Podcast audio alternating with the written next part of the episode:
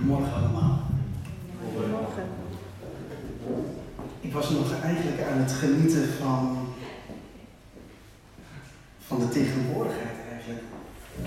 Van God, dat, dat ik, ik was even perplex dat ik moest gaan spreken. Ik denk, nou, dus vandaar dat ik nog niet klaar was. Maar ik wil echt, ehm, als de twee dames, eh, de twee jonge dames die net hier op het podium stonden, als jullie ervoor openstaan, zou ik graag naar de dienst voor jullie willen bidden. Omdat ik denk dat God een woord heeft voor jullie. Maar ik wil gewoon die keuze aan jullie laten als je daarvoor open staat. Ik weet niet of ze de zaal zijn. Zijn jij daar achterin? Na de dienst. Heren zijn al die mensen die kijken dan niet naar ons. Ik, ik heb overwogen om het gewoon te plekken hier te doen, maar ik denk, ja, misschien is dat geen goed idee. Maar ik denk dat het ontzettend goed is in wat jullie doen en dat we als gemeente gaan erkennen wat er gebeurt als je mensen vrijzet en de ruimte geeft om te doen waartoe ze geroepen zijn. Er bestaat geen kleine heilige geest. Er bestaat geen tiener heilige geest. Er bestaat ook niet zoiets als een volwassen heilige geest. Wat ik daarmee wil zeggen is, ook al zijn er tieners die in de bediening staan, als het God is die door hen heen werkt, is het van God. Punt. En ik denk dat we heel erg moeten gaan leren als gemeente om ze niet alleen maar als schattig en leuk te zien. Want God geeft geen bediening alleen maar voor schattig en leuk. En dat is een leerproces waar wij als gemeente doorheen moeten om niemand als schattig en leuk te interpreteren als God door mensen heen werkt. Kan iemand daar amen op zeggen? Amen. En dat is soms best lastig. Uh, maar ik denk ontzettend goed. Leer dan goedemorgen. Het is goed om hier te zijn. En ik geloof dat wat ik met jullie ga delen, dat het veel meer iets is wat God nu heeft voor jullie als een woord voor de gemeente. Mocht je niet naar deze gemeente gaan, dan geloof ik dat je hier heel specifiek bent om dit woord te horen. En ik wil met jullie naar Matthäus hoofdstuk 10, vers 30. Als jullie dat eens met mij zouden willen opslaan. En ik probeer vanuit mijn hart te spreken, want dan is het ook veel makkelijker om de Heilige Geest te volgen dan als ik puur en alleen wil vertellen wat ik heb voorbereid. En laat ik eerst even beginnen met wat ik denk dat God wil zeggen. En dat is dit. En ik denk dat het voor ons allemaal geldt. God is van de details. God is van de details. Ik geloof dat God dat wil zeggen. En hoe moet je dat voor jezelf interpreteren anno vandaag? Misschien zit je nu in een situatie waarin je denkt, ik heb geen oplossingen meer. Ik zou niet weten waar mijn hulp vandaan moet komen. Zelfs omhoog kijken naar de bergen, waar komt mijn hulp vandaan? Dat er zelfs momenten kunnen zijn dat je niet eens denkt dat daar nog je hulp vandaan gaat komen. Dat je je afvraagt van hoe gaan we eigenlijk de maandag en de dinsdag, hoe gaan we die nou eigenlijk in? Want, want volgens mij heeft het geen zin meer. Misschien ben je betrokken bij een bepaalde situatie waar je hoop voor had en dat je het idee hebt dat het toch niet zo loopt of verloopt als je voor ogen had. Misschien zitten jullie als gemeente in een proces waarvan je denkt, ja, en nu dan? Hoe nu verder? Zoveel mensen, zoveel meningen.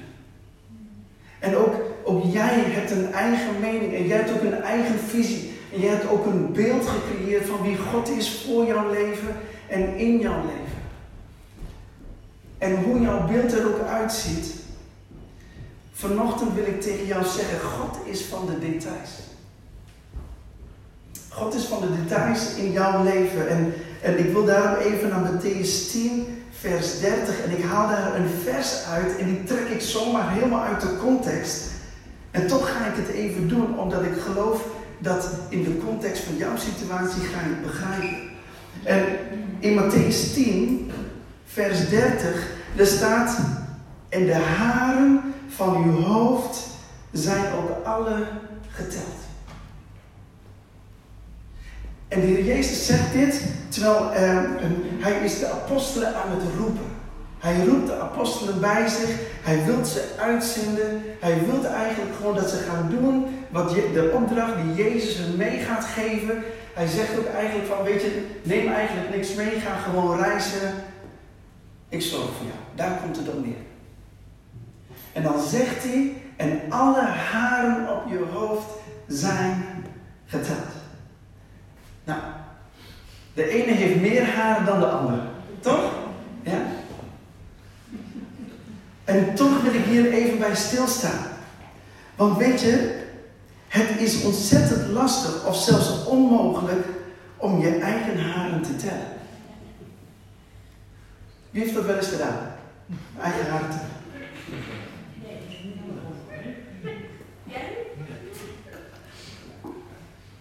Het is iets onmogelijks terwijl je wel kan tellen. Je weet ook waar je haren zitten. Toch? Of niet? Maar toch, maar toch lukt het niet. Er is iets soms in jouw natuurlijke situatie dat je de capaciteit hebt om het te doen en toch lukt het niet. Kunnen jullie mij volgen? De meesten van ons kunnen tellen. De meesten van ons hebben haar. Dus ik zou zeggen, ga je gang. Ken je dat? Dat je in een situatie zit waarin je voelt dat je dit kan en toch lukt het niet. Ik weet dat jullie daar geen last van hebben, maar dat, dat, ken je die situaties op het werk? Ken je die situaties in de kerk? Ken je die worsteling van binnenuit? Dat je weet, dat je weet, ik kan dit en toch gaat hij niet vooruit. Maar God is een God van de details. Soms is het heerlijk dat je niet kan doen waartoe je wel in staat bent. Nogmaals, want je kan tellen en je hebt haar en toch lukt het niet. In zo'n situatie hebben we God ontzettend nodig. God is van de details. En het is soms zo frustrerend dat je je capaciteiten en je gaven en je talenten en je kennis en je kunde en je ervaring, dat je misschien wel denkt, ik kan dit beter dan die collega. Waarom val ik niet op? Waarom gebeurt dat niet? Waarom? Zeg het maar. En dat God het als het ware toestaat om te zeggen, jij bent niet in staat om te doen wat je eigenlijk wel kan, maar ik ben in staat om het te doen. Dat klinkt nogal ingewikkeld. Dus je bent in staat om haren te tellen en toch lukt het je niet en God wel. Daar komt het op neer. Dat in al jouw natuurlijke macht en misschien wel al jouw natuurlijke pracht kan je niks betekenen voor God.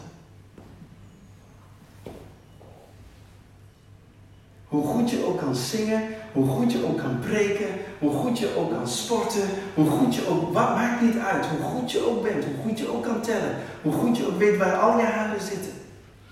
Toch kun je niks betekenen voor God, want je bent niet in staat om dat te doen. Tenzij je zegt, Vader dank je wel. Al mijn haren zijn geteld. Wat betekent dat als je dat zegt? Dat zelfs in jouw eigen kracht stel je je afhankelijk van God. Want we hoeven niet altijd helemaal in een diepe strijd te zitten en dat het moeilijk gaat en lastig gaat en dat we in een hoek gedrukt zijn voordat we ons afhankelijk stellen van God. Dat hoeft niet per se. Je kunt er ook gewoon tegelijk voor kiezen. Toch? Je kan ook tegelijk zeggen, ik ben afhankelijk van u. Gaat ook veel sneller. Minder bloed, zweet en tranen.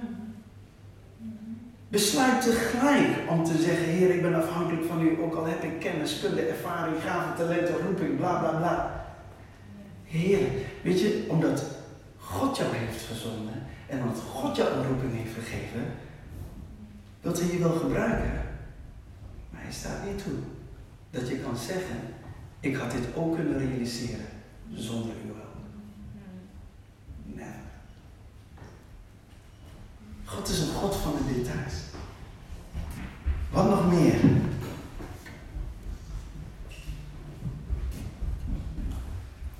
Als je gaat douchen, of als je je haar hebt geknipt, is het totaal niet interessant hoeveel haren je ondertussen kwijt bent geraakt, toch? Zoals iemand die, nou, als je bij de kapper bent geweest, die vraagt van hoeveel haren heb je nou eigenlijk afgeknipt? Ik heb ze ook niet geteld. is totaal niet interessant. En de reden waarom ik dat zeg, is God heeft tot in detail, in beeld, wat jij niet belangrijk vindt. Of waar je je geen zorgen om maakt. God heeft tot in detail, in beeld, wat jij niet belangrijk vindt. Je vindt het echt niet belangrijk hoeveel haar je kwijt bent geraakt na het douchen of na een bezoek aan de kap. Vind je echt niet interessant. God in detail, in beeld. Hoeveel eraf is Wat wil je daarmee zeggen? Zelfs de dingen die wij niet belangrijk vinden, heeft God in beeld. Omdat Hij jou belangrijk vindt. Omdat Hij de, de, de, de details van je leven belangrijk vindt. Voor degenen die denken dat God jouw gebed niet hoort, Ik denk dat wij in een verkeerde denkwijze zitten. Want als God jouw haren al belangrijk genoeg vindt. Begin een beetje te piepen. Als God jouw haren al belangrijk genoeg vindt. Dan weet ik zeker dat Hij het belangrijk vindt. Al die zorgen die zijn in jou.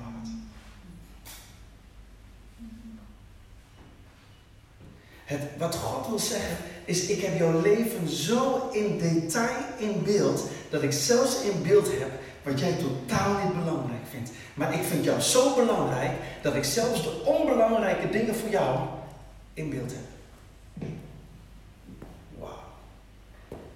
Toen ik dit, toen dit tot mij doordrong, toen dacht ik, waar maak ik mij druk om?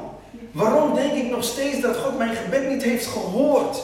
Waarom denk ik nog steeds dat God niet eh, betrokken is bij de baan die ik zoek? Waarom denk ik nog steeds dat God dit niet voor me doet of dat niet voor me doet? Waarom weet God niet dat ik in Leerdam of in Winterswijk woon? Waarom gebeuren overal wonderen en niet hier of bij mij of waar dan ook?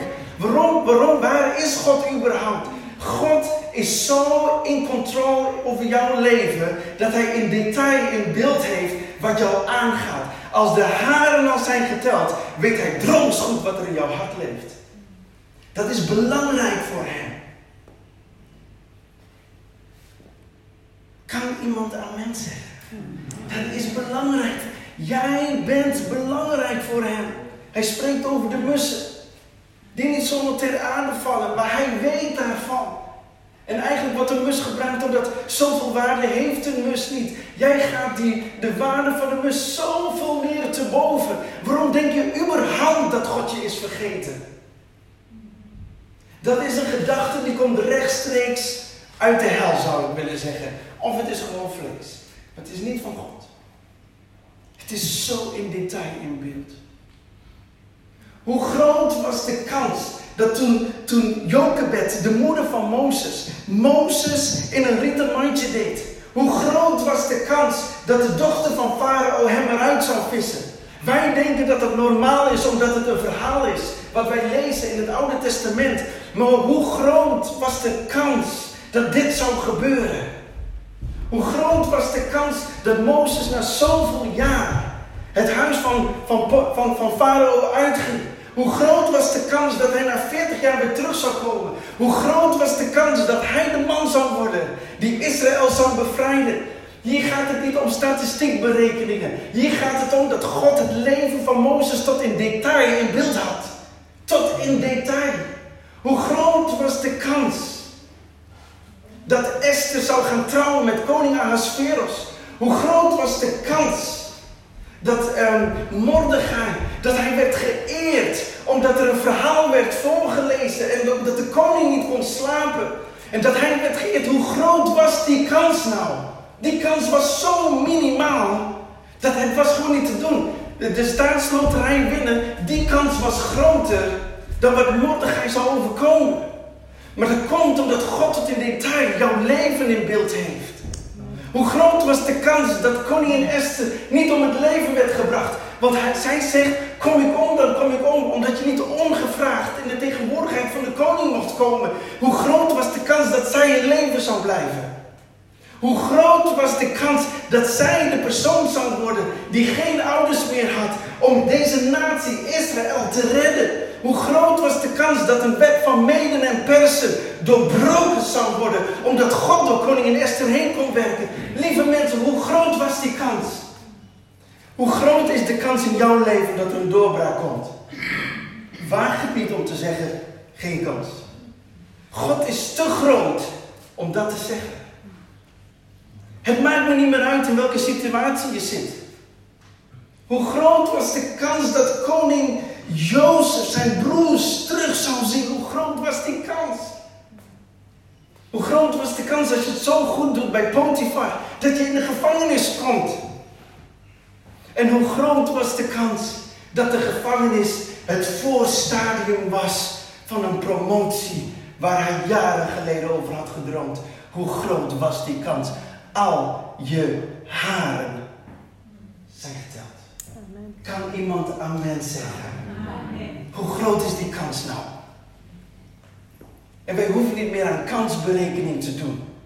We moeten weer terug naar God en zeggen: Oh Vader, dank u wel dat mijn haren zijn geteld. Dat betekent dat u zo in controle bent. Ik zie het alleen niet, maar ik vertrouw u. Zet mij in dat biesenkistje. Leid mij naar de oplossing.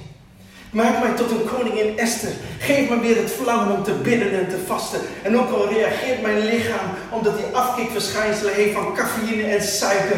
Maar ik wil weer, gewoon net als koningin Esther, kom ik kom, dan kom ik kom. Maar we zullen twee, drie dagen vasten, want ik wil een doorbraak zien in de hemel. Ik wil dat de wet van mede en persen op mijn werk, binnen mijn gezin, binnen mijn huwelijk, binnen de kerk, binnen de bediening, familie, maakt me niet uit. Maar dat de wet van mede en persen doorbroken wordt. Dat het gekeerd wordt. Want er zijn mensen die gered moeten worden. Misschien moeten we zelf wel weer opnieuw gered worden. Gered in hoe wij over God denken. Jouw haren zijn geteld. God is een God van detail. God is een God van detail. Hoe groot was de kans dat Paulus überhaupt de gemeente zou gaan opbouwen? Hij vernietigde de gemeente. Hoe groot was de kans dat hij het grootste gedeelte van het Nieuwe Testament zou downloaden in zijn geest? Om te schrijven in brieven waar wij vandaag de dag nog steeds wat aan hebben. Hoe groot was die kans? Volgens mij is de boodschap duidelijk, of niet? Hoe groot is de kans? Weet je, de kans dat God in jouw leven werkt is 100%.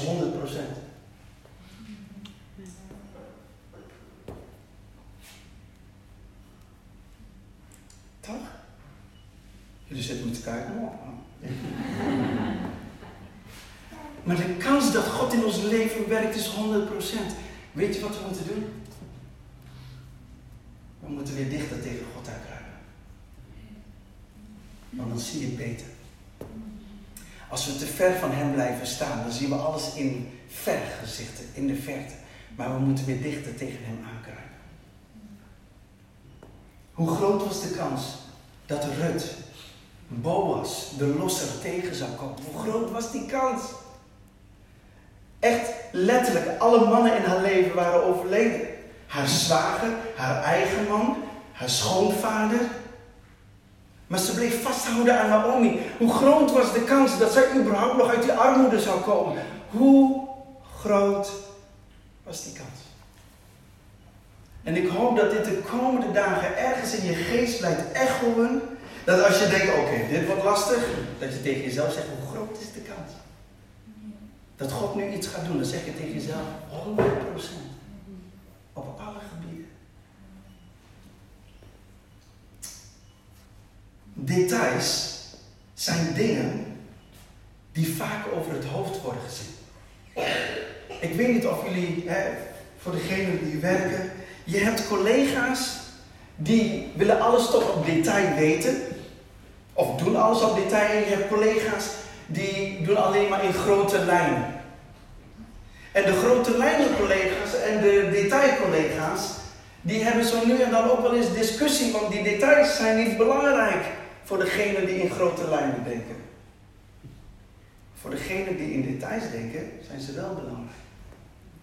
Weet je, als je al lang genoeg op deze aarde rondloopt, dan weet je dat als je werkt aan de details, geeft het, het grote geheel, komt eigenlijk beter tot uiting.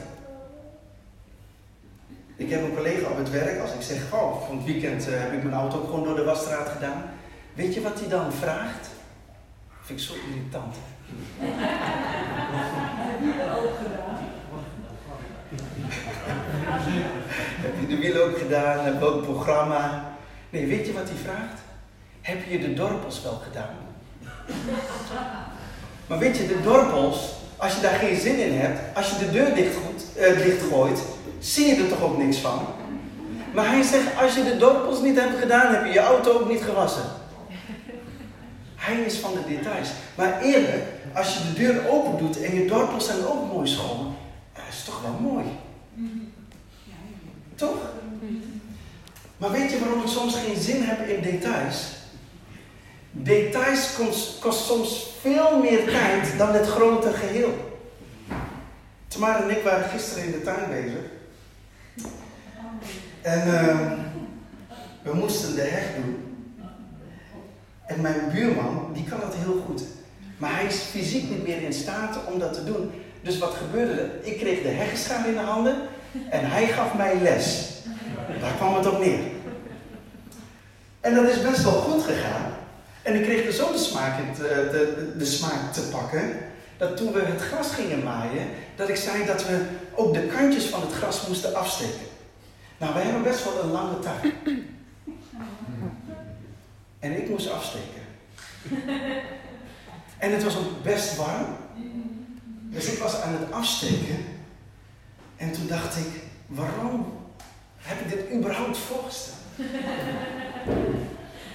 En ik had het gevoel dat aan de details werken van de tuin, dat dat langer duurde dan een complete hegscheer, zeg maar. Maar toen we klaar waren,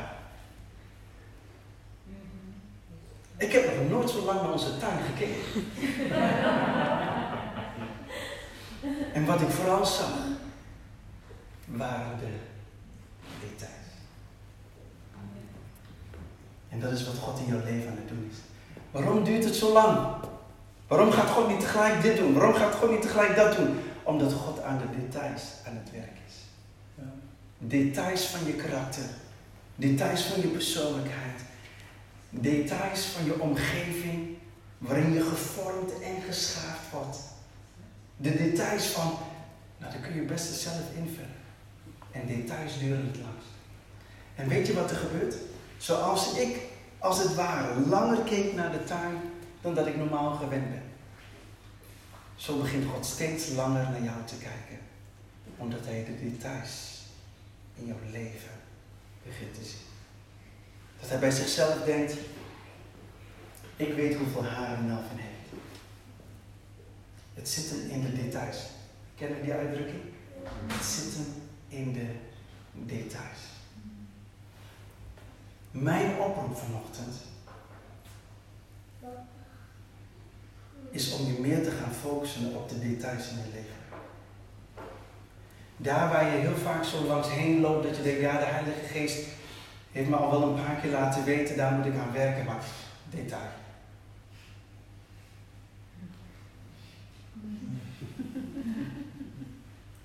Ik zou zeggen, als de Heilige Geest van de week weer spreekt, dat je zegt, Heer, ik maak dit detail. Maak ik tot een prio deze week. Want ik begin te snappen dat u mijn leven volledig in beeld heeft. Zelfs de tijdsverloop. Als er mensen zijn die denken, ja, ja, ik weet niet of God nog wat in mijn leven gaat doen, want ik heb al een bepaalde leeftijd bereikt. Dan weet je eigenlijk niet zo goed waartoe God in staat is. Of dat je denkt, ik heb bepaalde beperkingen, daardoor kan ik niet meer dit of dat doen. Dat betekent niet dat je niet meer van waarde bent. Dat betekent niet dat je geen impact meer kan hebben in andermans leven. Want daar is het God om te doen. Impact hebben in andermans leven. Toen de Heer Jezus naar de aarde kwam, stierf aan het kruis, had het zoveel impact. Impact voor de wereld, impact in jouw leven. En ik zou willen zeggen dat als het gaat om details, de details in jouw eigen leven, die hebben we vaak wel in beeld. Maar er is nog iets anders. Ik wil je oproepen, ik wil je aanmoedigen, ik wil je aansporen om de details te ontdekken die voor God belangrijk zijn. Want dat is namelijk weer een andere tak van sport. God kent de details die voor jou belangrijk zijn. Maar ken jij ook de details die voor God belangrijk zijn? Want gewoon even een voorbeeld. Iedereen heeft een eigen gedachte als het gaat om het huis van God en om de kerk. En over inzet en over allemaal dat soort dingen. Maar weet je dat het voor God een detail is dat Hij zijn huis ontzettend belangrijk vindt? En eigenlijk moet dit de gedachte zijn, als Hij het belangrijk vindt, toch? Dan zouden wij het ook belangrijk moeten vinden. Dit is wat Jezus zegt. Een ijver voor uw huis verteert mij. En ik denk dat als je nu weet dat God details van jouw leven kent, in datzelfde proces is het meer dan tijd dat je ook de details gaat kennen die voor God belangrijk zijn. Dan is het vice versa. Dan halen we niet alleen, maar dan brengen we ook. En halen en brengen, dat is een economie van God. Dat is precies hetzelfde als inademen en uitademen. Als je alleen maar inademt en niet meer uitademt, wat gebeurt er dan?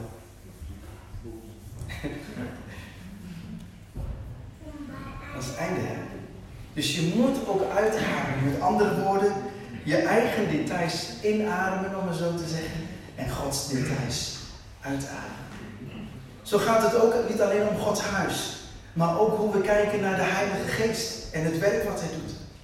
Als het gaat om vergeving, heilig leven, seksualiteit, leiderschap, liefde, geestelijke oorlogsvoering, al die thema's die in het woord van God staan. Dat we steeds meer ook de details gaan bestuderen en niet denken, oh ja, ik weet wel ongeveer. Nee, niet ongeveer weten, precies weten. Waarom dan? Omdat God het ook precies weet bij jou. Hoe precies? Al je haren zijn geteld. Zo precies. Zo precies weet hij het. En ik denk, lieve mensen, met alle stromen en alle meningen die in de maatschappij nu gaande zijn, wat je er ook van vindt, ik denk dat wij als de gemeente Gods de details van het woord van God nog beter moeten kennen dan ooit tevoren. Onze jongens zijn 18 en 16. En zij komen met vragen. Dan moet ik zorgen dat ik niet alleen maar op grote lijnen weet wat Gods woord erover zegt, maar ook in detail. Waarom dan? Als ik ze niet stuur, als ik ze geen richting geef, dan doet de maatschappij. We kunnen niet meer afwachten. We zijn met elkaar ook verplicht, niet alleen aan onszelf, maar ook aan de generatie die komt en die opgroeit, dat wij het juiste voorbeeld laten zien. Als wij honger laten zien naar het woord van God, naar gebed, naar vasten, al die geestelijke dingen, dat wij zien, dan hoeven ze alleen nog maar te volgen. En jong geleerd is oud gedaan. Wat ik wil zeggen, is dat het zijn de details die het verschil maken. Wil je verschil maken? Werk aan je details. Dat hele globale, dat zo van nou ik weet wel ongeveer, daar hebben we er duizenden van. Maar als je aan je details gaat werken in je leven, op basis van Gods woord, onder leiding van Gods geest, daar komt jouw uniekheid naar boven. Dan pas zien we je uniekheid, omdat je aan je details hebt gewerkt. Amen. God is een God van details. Wat ik geloof, ik wil het alleen maar voorstellen. Ik weet niet hoe jullie erin staan als gemeente, ook gewoon hoe je zitten, en corona en delta en allemaal dat soort dingen. Maar ik geloof met heel mijn hart dat God ook details vanochtend op jouw leven wilt uitspreken. Dus als zometeen de dienst is afgesloten en de camera staat uit, ik weet niet of jullie plannen hebben hierna, maar als er ruimte is om over jouw leven uit te spreken wat God op ons hart legt, van voor je te bidden, dan wil ik daarvoor zijn. Als we hier niet alleen zijn om het woord te bedienen, maar ook echt om je persoonlijk te bedienen, om te kijken of God je richting wilt geven. Misschien wijsheid of inzicht of juist rust over een bepaalde situatie. En we geloven dat God ook details wilt geven. Wat voor mij heel onlogisch is, en dat vind ik zo mooi aan God. God spreekt soms zo in, uh, in beelden dat het voor mij, it doesn't make sense. Maar voor jou wel. En daar gaat het om. Want ik hoef niet te weten wat er in je leven speelt. Maar wat God wil zeggen deze morgen, is jouw haren zijn geteld. Zo samen gaan staan. Ik wil in ieder geval afsluiten. Mocht er geen ruimte zijn om te bedienen, is ook goed hè. Ik, bedoel, ik, ik moet niet. Maar ik wil wel graag. En ik zeg dit. Voor degenen die bereid zijn om te wachten, weet dat ik altijd bereid ben om voor je te bidden. Kom niet naar voren omdat je denkt anders is zielig voor Melvin. Dat is niet de reden. Maar dat je met een verwachting gaat en zegt, Heer, mijn haren zijn geteld. Ik wil uw stem horen. Bemoedig mij, inspireer mij, bekrachtig mij, verander mij. Laat mij meer op u lijken. Laat de uniekheid van mijn leven naar boven komen. Niet uit dwang, maar uit liefde. Ik wil u leren kennen. Als dat jouw hart is, kom dan naar voren. Als de gemeenteleiding zegt, er zijn ook andere mensen die voor je kunnen bidden, dan nodig ik jullie uit om hier te staan, om te bedienen. Als de gemeenteleiding zegt, nee, Melvin en Tamara gaan gewoon zelf bidden voor iedereen, geen probleem. We gaan tot op de laatste seconde, maakt niet uit. Waarom? Omdat ik geloof dat God vandaag tot jou wilt. Zullen onze ogen sluiten en open jouw hart.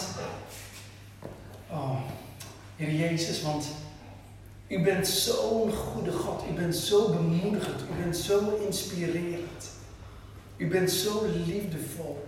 Maar soms snap ik u ook echt voor geen meter. Ik snap niet wat u aan het doen bent. En deze morgen heb ik opnieuw gehoord. Mijn haren zijn geteld en ik wist het wel, gewoon qua kennis en rationeel. Heilige Geest, ik wil het voelen in mijn hart. Ik wil weten wat het inhoudt dat mijn haren zijn geteld. Waarom bent u zo geïnteresseerd in dingen waar ik zelf niet eens in geïnteresseerd ben? In het aantal haar dat ik heb.